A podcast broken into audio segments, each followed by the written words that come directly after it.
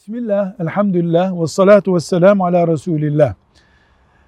Kadınlar ders yaparken bir hoca hanım onlara Hanefi mezhebindenseniz mehriniz para olması lazım.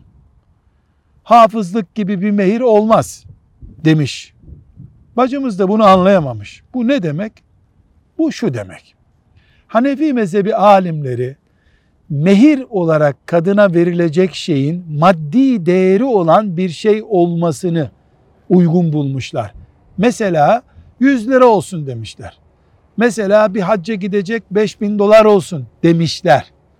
Filan sureyi ezberlersin benim mehrim sayılır sözünü mehir kabul etmemişler. Evet ashab-ı kiramdan bu tip haberler var ama Hanefi mezhebi alimleri mehir denen şeyin maddi değeri olan bir nesne olmasını esas almışlardır.